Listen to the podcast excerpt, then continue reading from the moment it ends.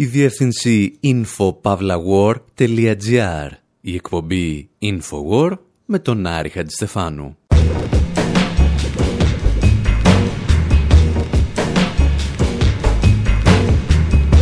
όπου σήμερα ξεφυλίζουμε το νέο βιβλίο του Ευτύχη Μπιτσάκη, «Οι θύελες της πρόοδου», που κυκλοφόρησε από τις εκδόσεις Καψιμή. Τον αφήνουμε να μας ταξιδέψει από την επιστήμη στα χρόνια του Προμηθέα μέχρι την άρνηση της επιστήμης στα χρόνια του Ντόναλτ Τραμπ. Παράλληλα όμως κάνουμε μερικές στάσεις στη Νέα Ατλαντίδα του Σερ Φράνσις Μπέικον και στην Ουτοπία του Τόμας Μόρ. Και ύστερα, για να καταλάβουμε τι συμβαίνει στις μέρες μας με την βασική έρευνα, επιστρέφουμε σε παλαιότερες ιστορίες για τον Αϊνστάιν και κάτι υποατομικά σωματίδια. Υποθέτουμε ότι τώρα που μπήκε η Άνοιξη θα θέλατε να ξέρετε γιατί ο ουρανός είναι μπλε και αν αυτό το χρώμα θα μπορούσαμε να το πατεντάρουμε και να ενεργηθούμε στο τάκερο. Όλα όμως ξεκινούν με μια μεγάλη έκρηξη ή τουλάχιστον έτσι θέλουν κάποιοι να πιστεύουμε.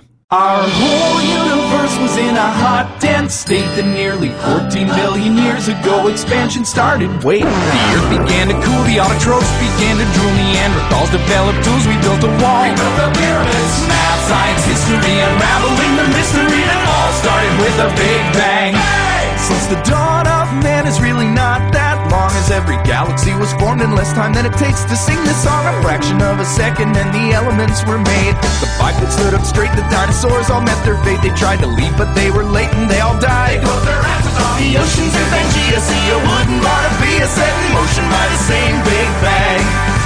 It all started with a Big Bang. It's expanding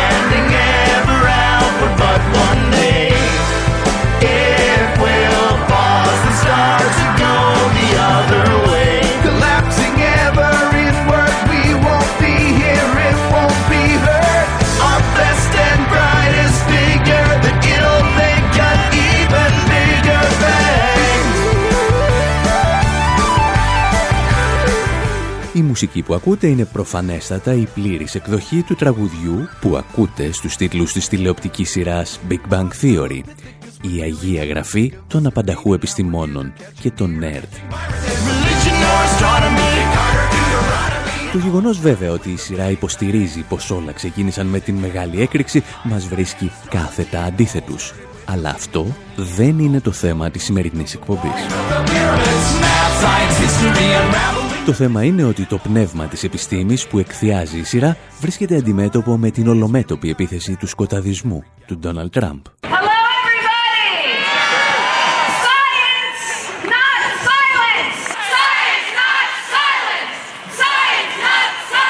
Την περασμένη εβδομάδα εκατοντάδες χιλιάδες πολίτες σε ολόκληρο τον κόσμο διαδήλωσαν υπέρ της επιστήμης. Αφορμή ήταν η ημέρα της γης, η άποψη του Τραμπ ότι το φαινόμενο του θερμοκηπίου είναι μία απάτη των Κινέζων και η πρόθεσή του να περικόψει δραστικά τις δαπάνες για την επιστημονική έρευνα. Το ότι πραγματοποιήθηκαν φυσικά αυτές οι συγκεντρώσεις μας ενθουσιάζει και τις χειροκροτούμε. Όπως είχαμε κάνει όμως και με τις μεγαλειώδεις συγκεντρώσεις των γυναικών αμέσως μετά την εκλογή του Ντόναλτ Τραμπ, έχουμε και μερικά πραγματάκια να πούμε. Όπως και τότε, έχουμε μερικές ενστάσεις που θα θέλαμε να μοιραστούμε μαζί σας. Γιατί ο καθένας, λέγοντας ότι υποστηρίζει την επιστήμη, έχει κάτι ελαφρώς διαφορετικό στο μυαλό του. Στη Βρετανία, λόγου χάρη, κάποιοι διαδηλωτές πίστευαν ότι το να υποστηρίζεις την επιστήμη σημαίνει να καταδικάζεις το Brexit.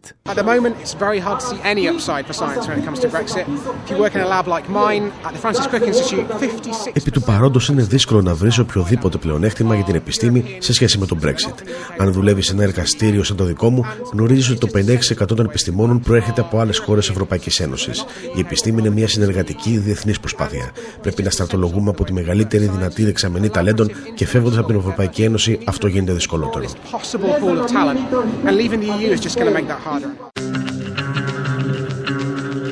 Αν Αν βέβαια ο συγκεκριμένος ερευνητής ήθελε ξένους επιστήμονες στη χώρα του, θα μπορούσε απλώς να ζητήσει από την κυβέρνησή του να μην τους κλείσει τα σύνορα ή θα έπρεπε ταυτόχρονα να παραπονεθεί λιγουλάκι και για τις καταστροφικές συνέπειες που έχει η ευρωπαϊκή πολιτική στη διασύνδεση πανεπιστημίων με βιομηχανίες ή για την κυριαρχία των λόμπι στα ερευνητικά προγράμματα ή έστω για την ενίσχυση της έρευνας για την πολεμική βιομηχανία και ούτω καθεξής.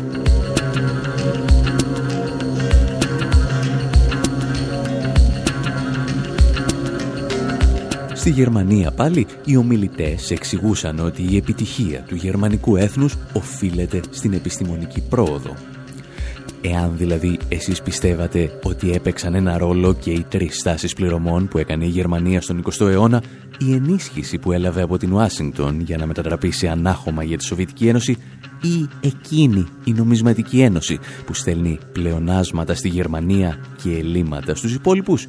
Αν τα πιστεύατε όλα αυτά, Απλώς δεν ξέρετε τι σας γίνεται. Ήταν η επιστήμη ηλίθιη. Για να μην παρεξηγηθούμε, λατρεύουμε την επιστήμη και αγαπάμε αυτούς που την λατρεύουν. Απλώς θεωρούμε ότι πρέπει να είμαστε λίγο πιο σαφείς στο πώς ορίζουμε την επιστήμη. Τουλάχιστον πιο σαφείς από τον λεγόμενο Science Guy, τον Αμερικανό επιστήμονα και τηλεοπτικό παρουσιαστή Bill Nye, ο οποίος ανέβηκε στο βήμα στη συγκέντρωση της Ουάσιγκτον και είπε κουβέντες σαν κι αυτές.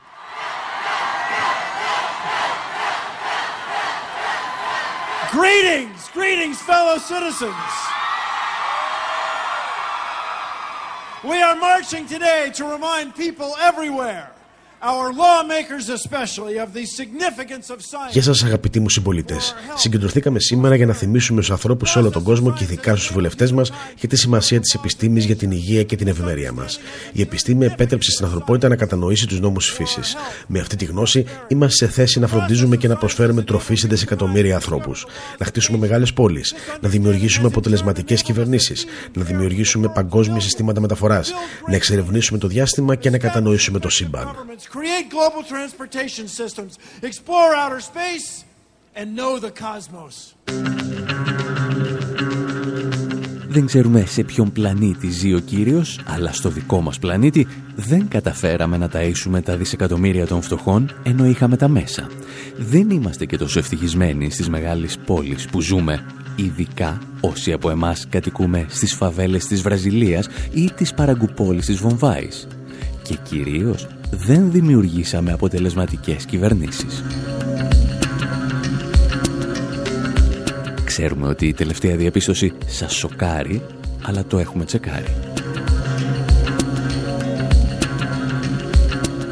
Το πραγματικό πρόβλημα με όσα είπε ο Bill Nye είναι ότι αναμασά την έννοια της προόδου όπως την καθόρισαν οι αστικές επαναστάσεις προηγούμενων αιώνων για να το καταλάβουμε όμως, πρέπει τώρα να ξεφυλίσουμε το εξαιρετικό νέο βιβλίο του Ευτύχη Μπιτσάκη, «Οι θύελες της προόδου», που κυκλοφορεί από τις εκδόσεις Καψιμή.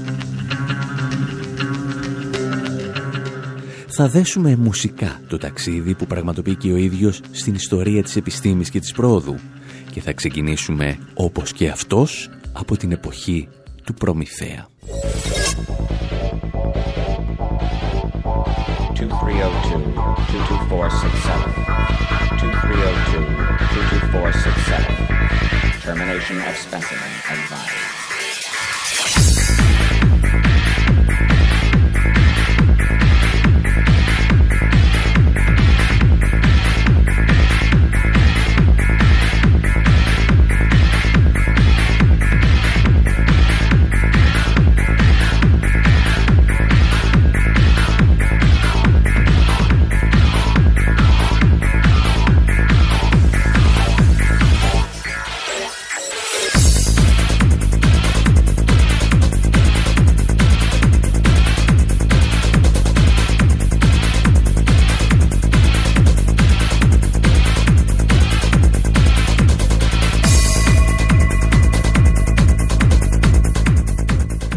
Advised. το συγκρότημα Προμηθέου στο κομμάτι τους OK Computer. Μια ελαφρώς πιο σύγχρονη ματιά στην τεχνολογία και τις σχέσεις της με τον άνθρωπο. Ο Προμηθέας, διαβάζουμε στο νέο βιβλίο του Ευτύχη Μπιτσάκη, συμβολίζει την αντίληψη της αρχαιότητας, ότι η τεχνική, την οποία οι άνθρωποι κατέκτησαν ύστερα από χιλιετίες πάλι με τα στοιχεία της φύσης, τους δόθηκε σαν δώρο από μια ανώτερη δύναμη. Ακόμη και αν οι θεοί του Ολύμπου δεν πολύ συμφωνούσαν με αυτά που έκανε ο Προμηθέας. Η πίστη στην ικανότητα του ανθρώπου να δαμάσει τη φύση μέσα από τη γνώση μας παρουσιάζεται εκείνη την εποχή και μέσα από το έργο του Σοφοκλή. Προσοχή όμως μας προειδοποιεί ο Ευτύχης Μπιτσάκης. Η έννοια της προόδου μπορεί να είναι διάχυτη στις αντιλήψεις των αρχαίων, αλλά έχει δευτερεύουσα θέση στη σκέψη τους. Και ένας λόγος γι' αυτό είναι ότι η δουλεία έκανε τότε λιγότερο επιτακτική την ανάγκη για τεχνικές καινοτομίες. Είναι η εποχή, αν θυμάστε, που ο Πλάτωνας μας παρουσιάζει μια ιδανική πολιτεία, στην οποία η κυρίαρχη τάξη είναι αποκομμένη από την παραγωγή. Μερικά χρόνια αργότερα βέβαια, διαβάζουμε στο βιβλίο του Ευτύχη Μπιτσάκη, ξεκινούν και μερικά άλλα, διαφορετικά προβληματάκια. Ο ποιητής Αντίπατρος στην εποχή του Κικέρονα υμνεί τις τεχνολογικές ανακαλύψεις σαν την λύση όλων των κοινωνικών προβλημάτων στα ποίηματά του υποστηρίζει ότι η ανακάλυψη του νερόμιλου θα οδηγήσει στην απελευθέρωση των σκλάβων και στην χειραφέτηση των γυναικών. «Αχ, εσείς οι ειδωλολάτρες», θα του απαντήσει μερικούς αιώνες αργότερα ο Μάρξ, «δεν καταλαβαίνετε τίποτα από πολιτική οικονομία».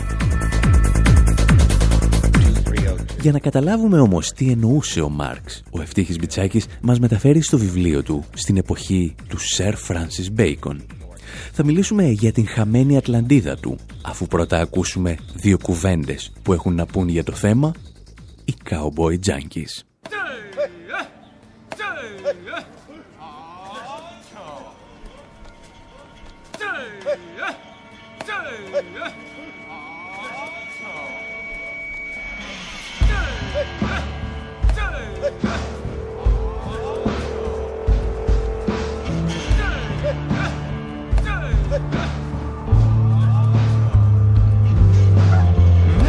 Nature human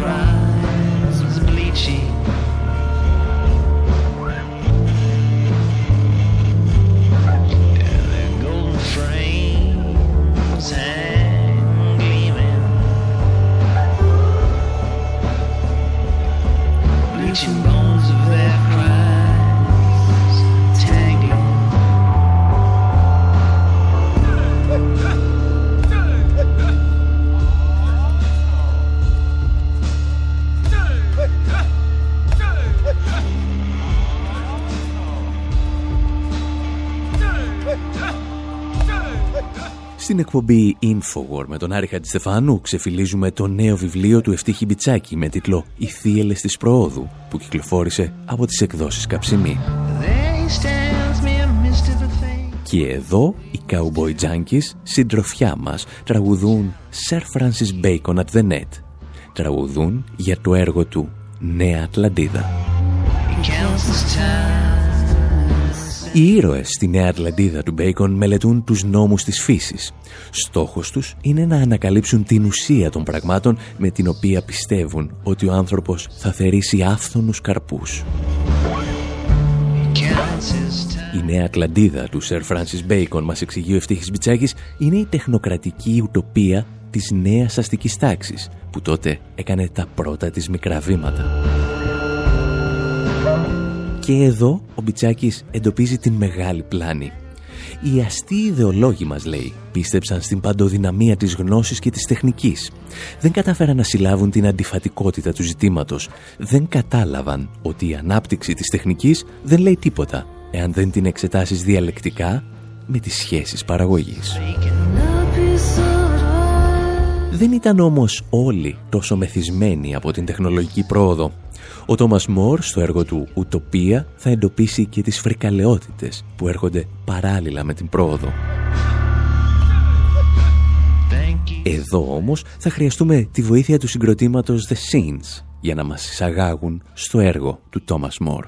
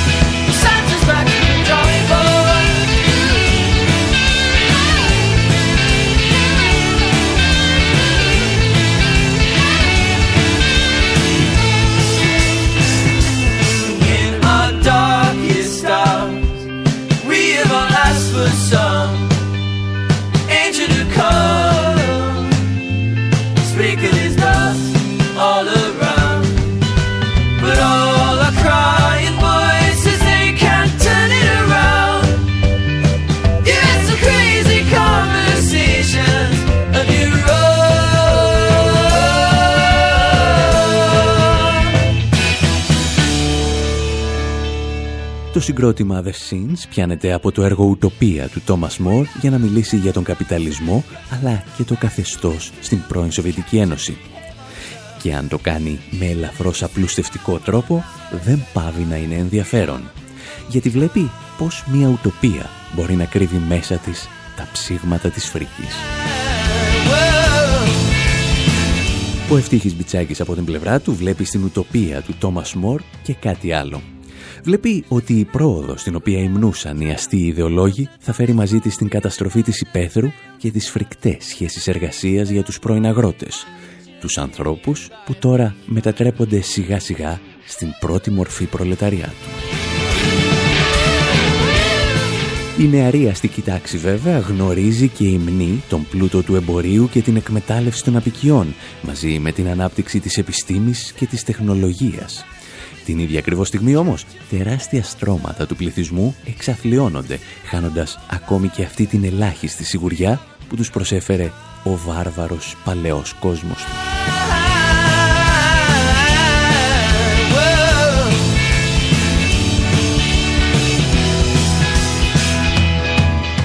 Ο Ευτύχης Μπιτσάκης λοιπόν καταρρύπτει στο βιβλίο του τον αστικό μύθο ή καλύτερα τον μύθο των αστών ότι μόνο με τη βοήθεια της επιστήμης, της τεχνικής και του ορθού λόγου μπορούμε να δημιουργήσουμε το βασίλειο της ελευθερίας, της δικαιοσύνης και της ευδαιμονίας. Μια αντίληψη η οποία δυστυχώς φαίνεται να είναι κυρίαρχη και στις διαδηλώσεις υπέρ της επιστήμης που πραγματοποιήθηκαν τις περασμένες ημέρες σε όλο τον κόσμο. Εσείς πάλι, χωρίς τις δικές μας μουσικές παρεμβάσεις, μπορείτε να διαβάσετε τι πραγματικά εννοούσε ο Ευτύχης Μπιτσάκης στο νέο του βιβλίο «Οι θύελες της πρόοδου» που κυκλοφορεί από τις εκδόσεις Καψιμή. Εμείς πάλι θα εξηγήσουμε στο δεύτερο μέρος της εκπομπής ότι η επιστήμη δεν άρχισε να κινδυνεύει ευνηδιαστικά στα χρόνια του Ντόναλτ Τραμπ. Κάποιοι στις Ηνωμένες Πολιτείες και την Ευρωπαϊκή Ένωση φρόντιζαν γι' αυτό εδώ και δεκαετίες. Einstein.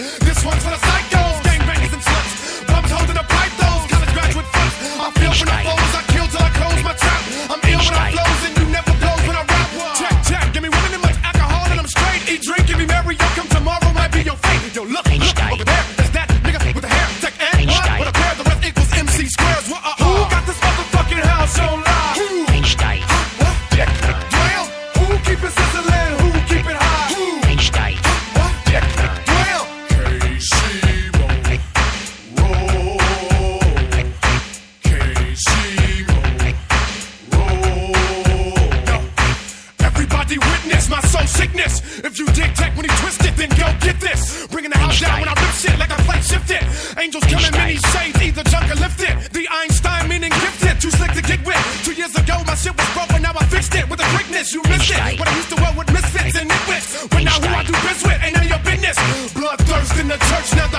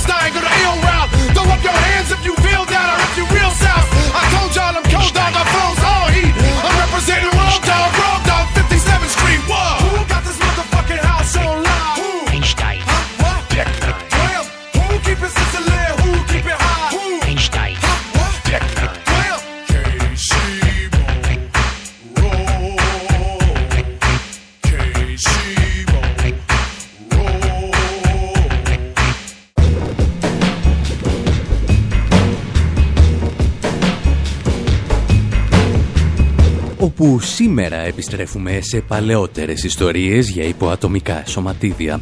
Αναρωτιόμαστε γιατί ήταν πρώτοι οι Ευρωπαίοι που κατάφεραν να τα εντοπίσουν και όχι οι Αμερικάνοι. Αναρωτιόμαστε επίσης γιατί την 4η Ιουλίου εκείνης της εποχής δεν ακούστηκε ο Εθνικός Σύμνος των Ηνωμένων Πολιτειών αλλά οι ζητοκραυγές ορισμένων δημοσίων υπαλλήλων. Σκεφτόμαστε αν ο Φρανκ Ζάπα τα είχε σκεφτεί όλα αυτά πρώτος και αν πέθανε λίγο πριν προλάβει να ανακοινώσει την ανακάλυψή του. Αφήνουμε τον Bob Dylan να μας θυμίζει παλιές ιστορίες για τον Einstein και αναρωτιόμαστε ποιος ανακάλυψε πρώτος το μπλε του ουρανού.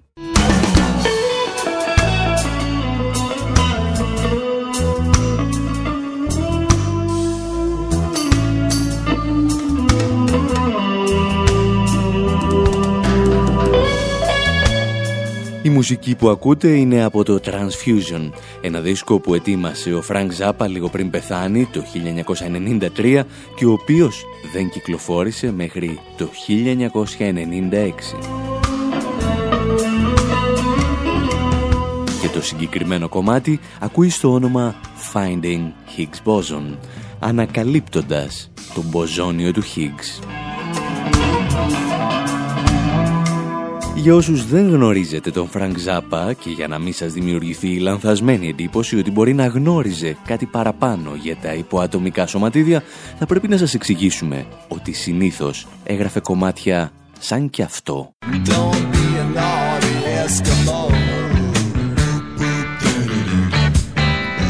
Watch out where the huskies go, don't you eat that yellow snow. Watch out where the huskies go, don't you eat that yellow snow. Το Don't Eat the Yellow Snow αποτελεί τη συμβουλή που έδινε μία μάνα εσκιμώα στο γιο της να προσέχει που πάνε τα σκυλιά και να μην τρώει από εκείνο το κίτρινο χιόνι.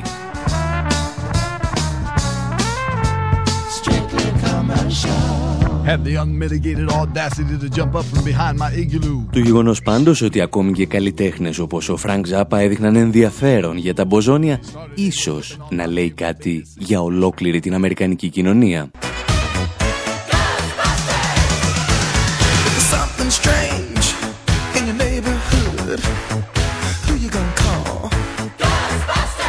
Ας μην ξεχνάμε ότι αυτό που σήμερα γνωρίζουμε ως μια παρακμάζουσα αυτοκρατορία βρισκόταν για δεκαετίες στην πρωτοπορία των επιστημών. Οι έρευνες λοιπόν για υποατομικά σωματίδια και οι επιταχυντές σωματιδίων μόνο άγνωστες λέξεις δεν ήταν για τις Ηνωμένες Πολιτείες. Άλλωστε, αν θυμάστε, ακόμη και στην ταινία Ghostbuster, η συσκευή που χρησιμοποιούσαν ονομάζονταν εκτοξευτήρα σωματιδίων ή ανεπίσημος επιταχυντής σωματιδίων.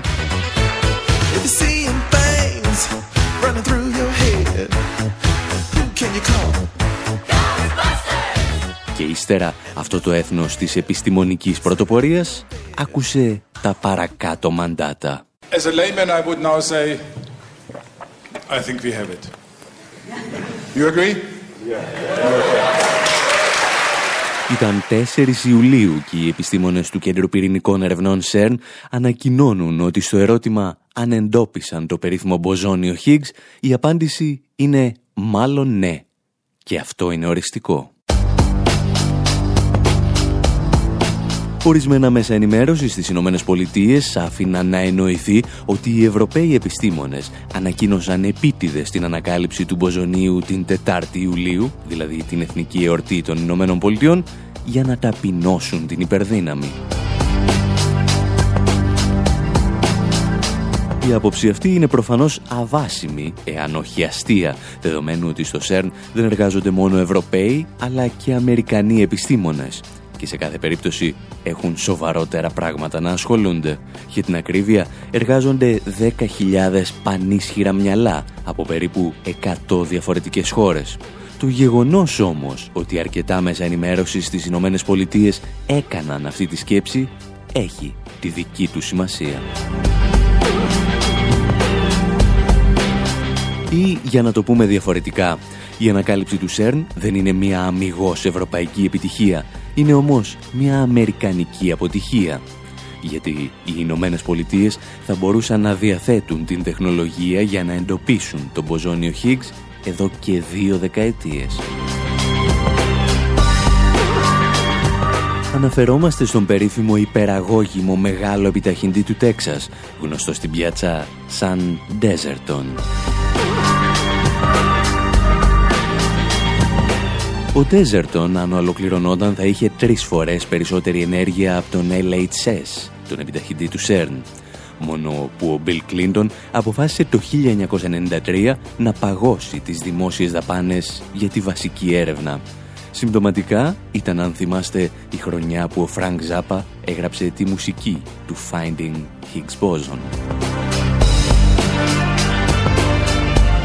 Εκείνη την περίοδο η Αμερικανική ελίτ, χωρίς πλέον τη συνεχή επιστημονική πίεση της Σοβιετικής Ένωσης, πίστεψε ότι μπορεί να αποσύρει το ερευνητικό της ενδιαφέρον από τη βασική έρευνα.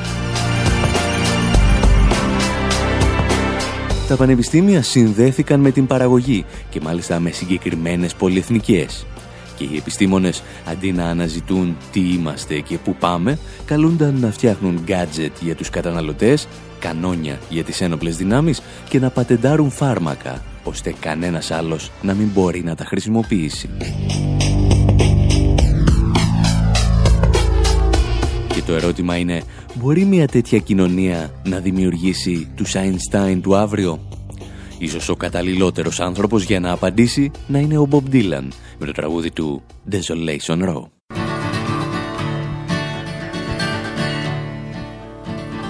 Einstein disguised as Robin Hood with his memories in a trunk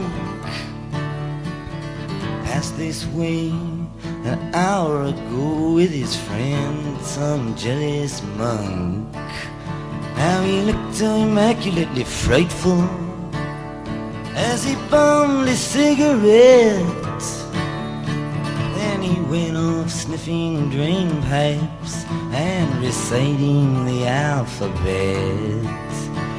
You would not think to look at him, but he was famous long ago for playing the electric violin on Desolation Road. Ο Μπομπ Ντίλαν εντοπίζει τον Αϊνστάιν ντυμένο ρομπέν των δασών. Στην πραγματικότητα εντοπίζει μία σκιά του Αϊνστάιν, έναν αλήτη που τριγυρίζει στους δρόμους προσπαθώντας να θυμηθεί την αλφαβήτα.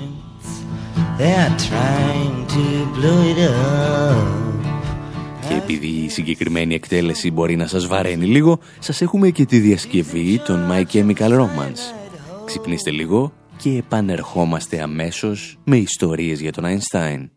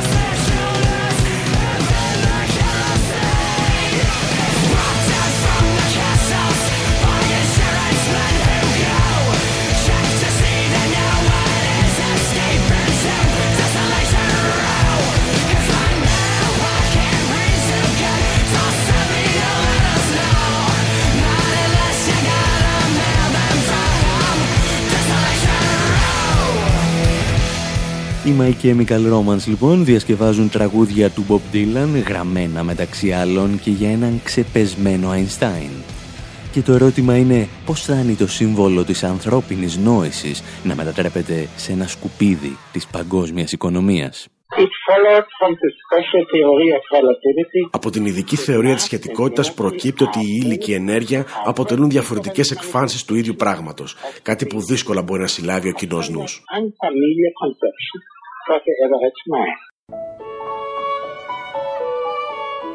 Ο κύριος που ακούσαμε δεν ήταν άλλος από τον θείο Αλβέρτο στις δόξες του, όταν εξηγούσε την περίφημη ισοδυναμία μάζας και ενέργειας.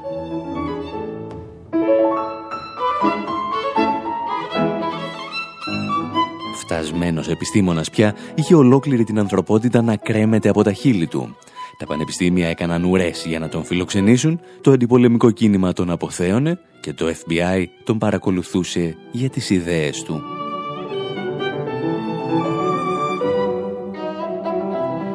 Και το ερώτημα που θέτουμε σε αυτή την εκπομπή είναι θα τα κατάφερνε σήμερα ο θείος Αλβέρτος, θα έβρισκε δουλειά σε κάποιο πανεπιστήμιο, θα ανακάλυπτε την ειδική και τη γενική θεωρία της σχετικότητας;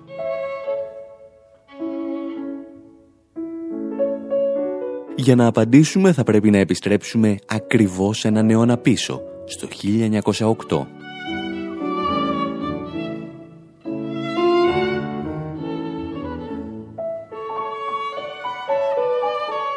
Ο ήρωάς μας είναι ένας φτωχός υπαλληλάκος σε ένα γραφείο ευρεσιτεχνιών της Γενέβης.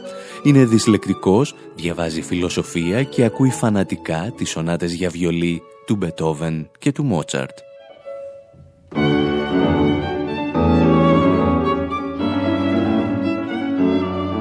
Εκείνα τα χρόνια επιχειρεί να καταλάβει γιατί ο ουρανός είναι μπλε και το καταφέρνει αναλύοντας το μήκος κύματος της ηλιακής ακτινοβολίας που διαπερνά την ατμόσφαιρα.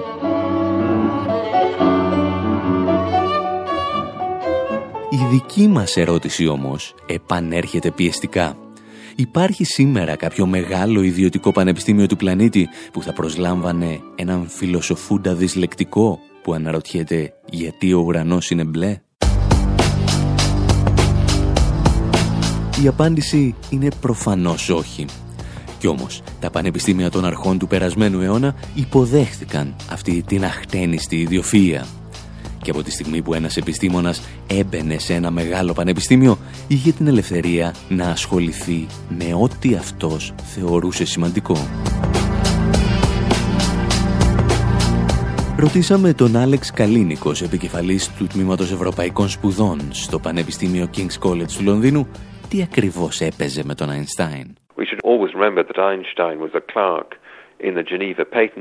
Δεν πρέπει να ξεχνάμε ότι ο Αϊνστάιν ήταν υπάλληλος σε ένα γραφείο ευρεσιτεχνιών της Γενέβης όταν παρουσίασε τις έρευνές του που ανέτρεψαν τη φυσική στις αρχές του περασμένου αιώνα. Όταν έγραφε τις εργασίες του, δεν το έκανε για να πάρει δικαιώματα ευρεσιτεχνίας. Ήταν αυτός σκοπός του να επιλύσει συγκεκριμένα προβλήματα.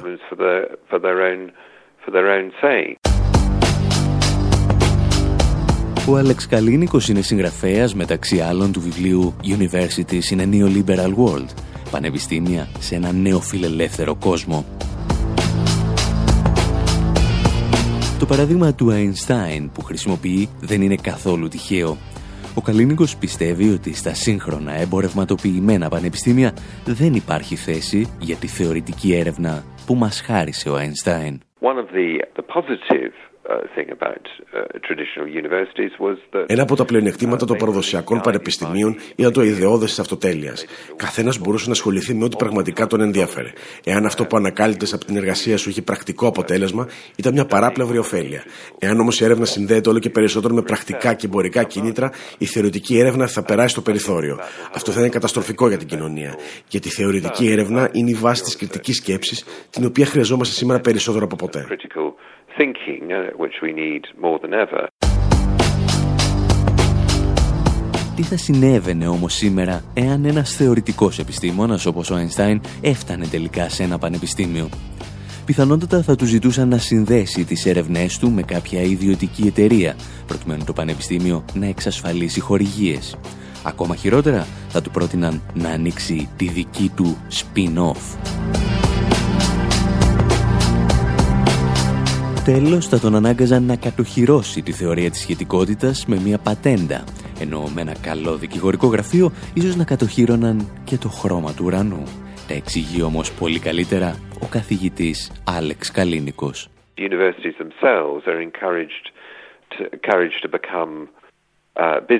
Τα πανεπιστήμια καλούνται να γίνουν επιχειρήσεις. Όχι μόνο να έχουν τη δομή μιας επιχείρηση, αλλά να λειτουργούν σαν επιχειρήσεις. Δίνονται κάθε λογής κίνητρα σε πανεπιστήμια αλλά και σε ξεχωριστούς ακαδημαϊκούς να ιδρύσουν εταιρείες με τις οποίες θα μπορηματοποιήσουν τα αποτελέσματα των ερευνών.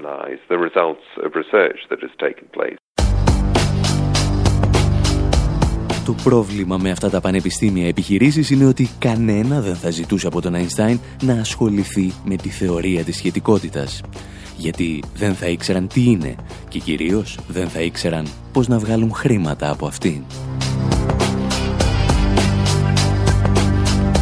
Οι εταιρείες θα έχαναν λοιπόν ακόμη και τα πρακτικά ωφέλη που προκύπτουν από την πρόοδο της επιστήμης. Γιατί πολύ απλά σκέπτονται ως εταιρείες. Βλέπουν μόνο το άμεσο κέρδος και δεν καταλαβαίνουν ότι τα φράγκα μπορεί να κρύβονται ακόμη και στη θεωρητική έρευνα. Να υποθέσουμε λοιπόν με όλη αυτή την κουβέντα ότι οι Ευρωπαίοι έμαθαν από τα λάθη των Αμερικανών. Δυστυχώς αυτό που συνέβη με τους επιστήμονες του ΣΕΡΝ είναι κάτι σαν να κοιτάζεις ένα αστέρι. Το φως που φτάνει από αυτό έχει ξεκινήσει το ταξίδι του εκατομμύρια χρόνια πίσω. Ουσιαστικά δηλαδή αυτό που βλέπεις είναι το παρελθόν. Και το ΣΕΡΝ είναι ένα αστέρι από άλλες εποχές. Όπως εξηγούσε πρόσφατα ο καθηγητής James Gillis, επικεφαλής επικοινωνίας του ΣΕΡΝ, η επιτυχία οφείλεται στις βασικές αρχές λειτουργίας του συγκεκριμένου κέντρου. Καταρχήν, ότι το ΣΕΡΝ ασχολείται αποκλειστικά με τη βασική έρευνα και όχι με στρατιωτικούς εξοπλισμούς. Κατά δεύτερον, ότι όλα τα μέλη του θεωρούνται ισότιμα, ασχέτως της οικονομικής συνεισφοράς των χωρών του. Αν το σκεφτείτε δηλαδή, οι αρχές λειτουργίας του ΣΕΡΝ βρίσκονται στον αντίποδα των θεσμών της Ευρωπαϊκής Ένωσης. Και έτσι, ενώ το πρώτο κάνει άλματα για την κατανόηση του σύμπαντος, η Ευρωπαϊκή Ένωση μετατρέπει τις χώρες της περιφέρειας σε υποατομικά σωματίδια. Για την ακρίβεια, μετατρέπει τη μάζα τους σε ενέργεια για το Βερολίνο.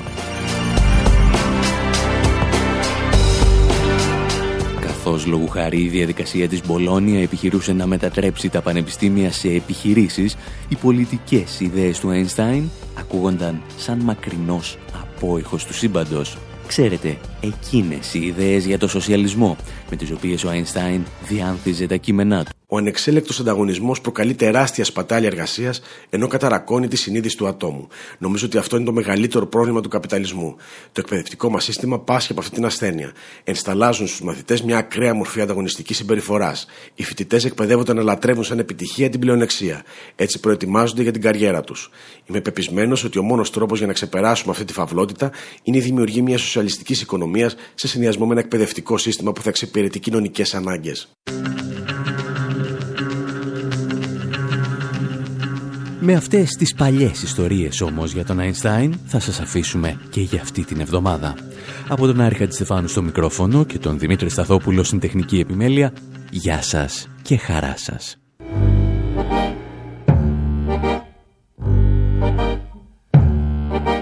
gentlemen who think you have a mission to purge us of the seven deadly sins. should first sort out the basic food position. Then start your preaching. That's where it begins. Your lot who preach restraint and watch your waist as well should learn for once the way the world is run. However much you twist or whatever lies that you tell. Food is the first thing. Morals follow on. So first make sure that those who are now starving get proper helpings. When we all start carving. What keeps mankind alive? What keeps mankind alive? The fact that billions are daily tortured, stifled, punished, silenced, and oppressed. Mankind can keep alive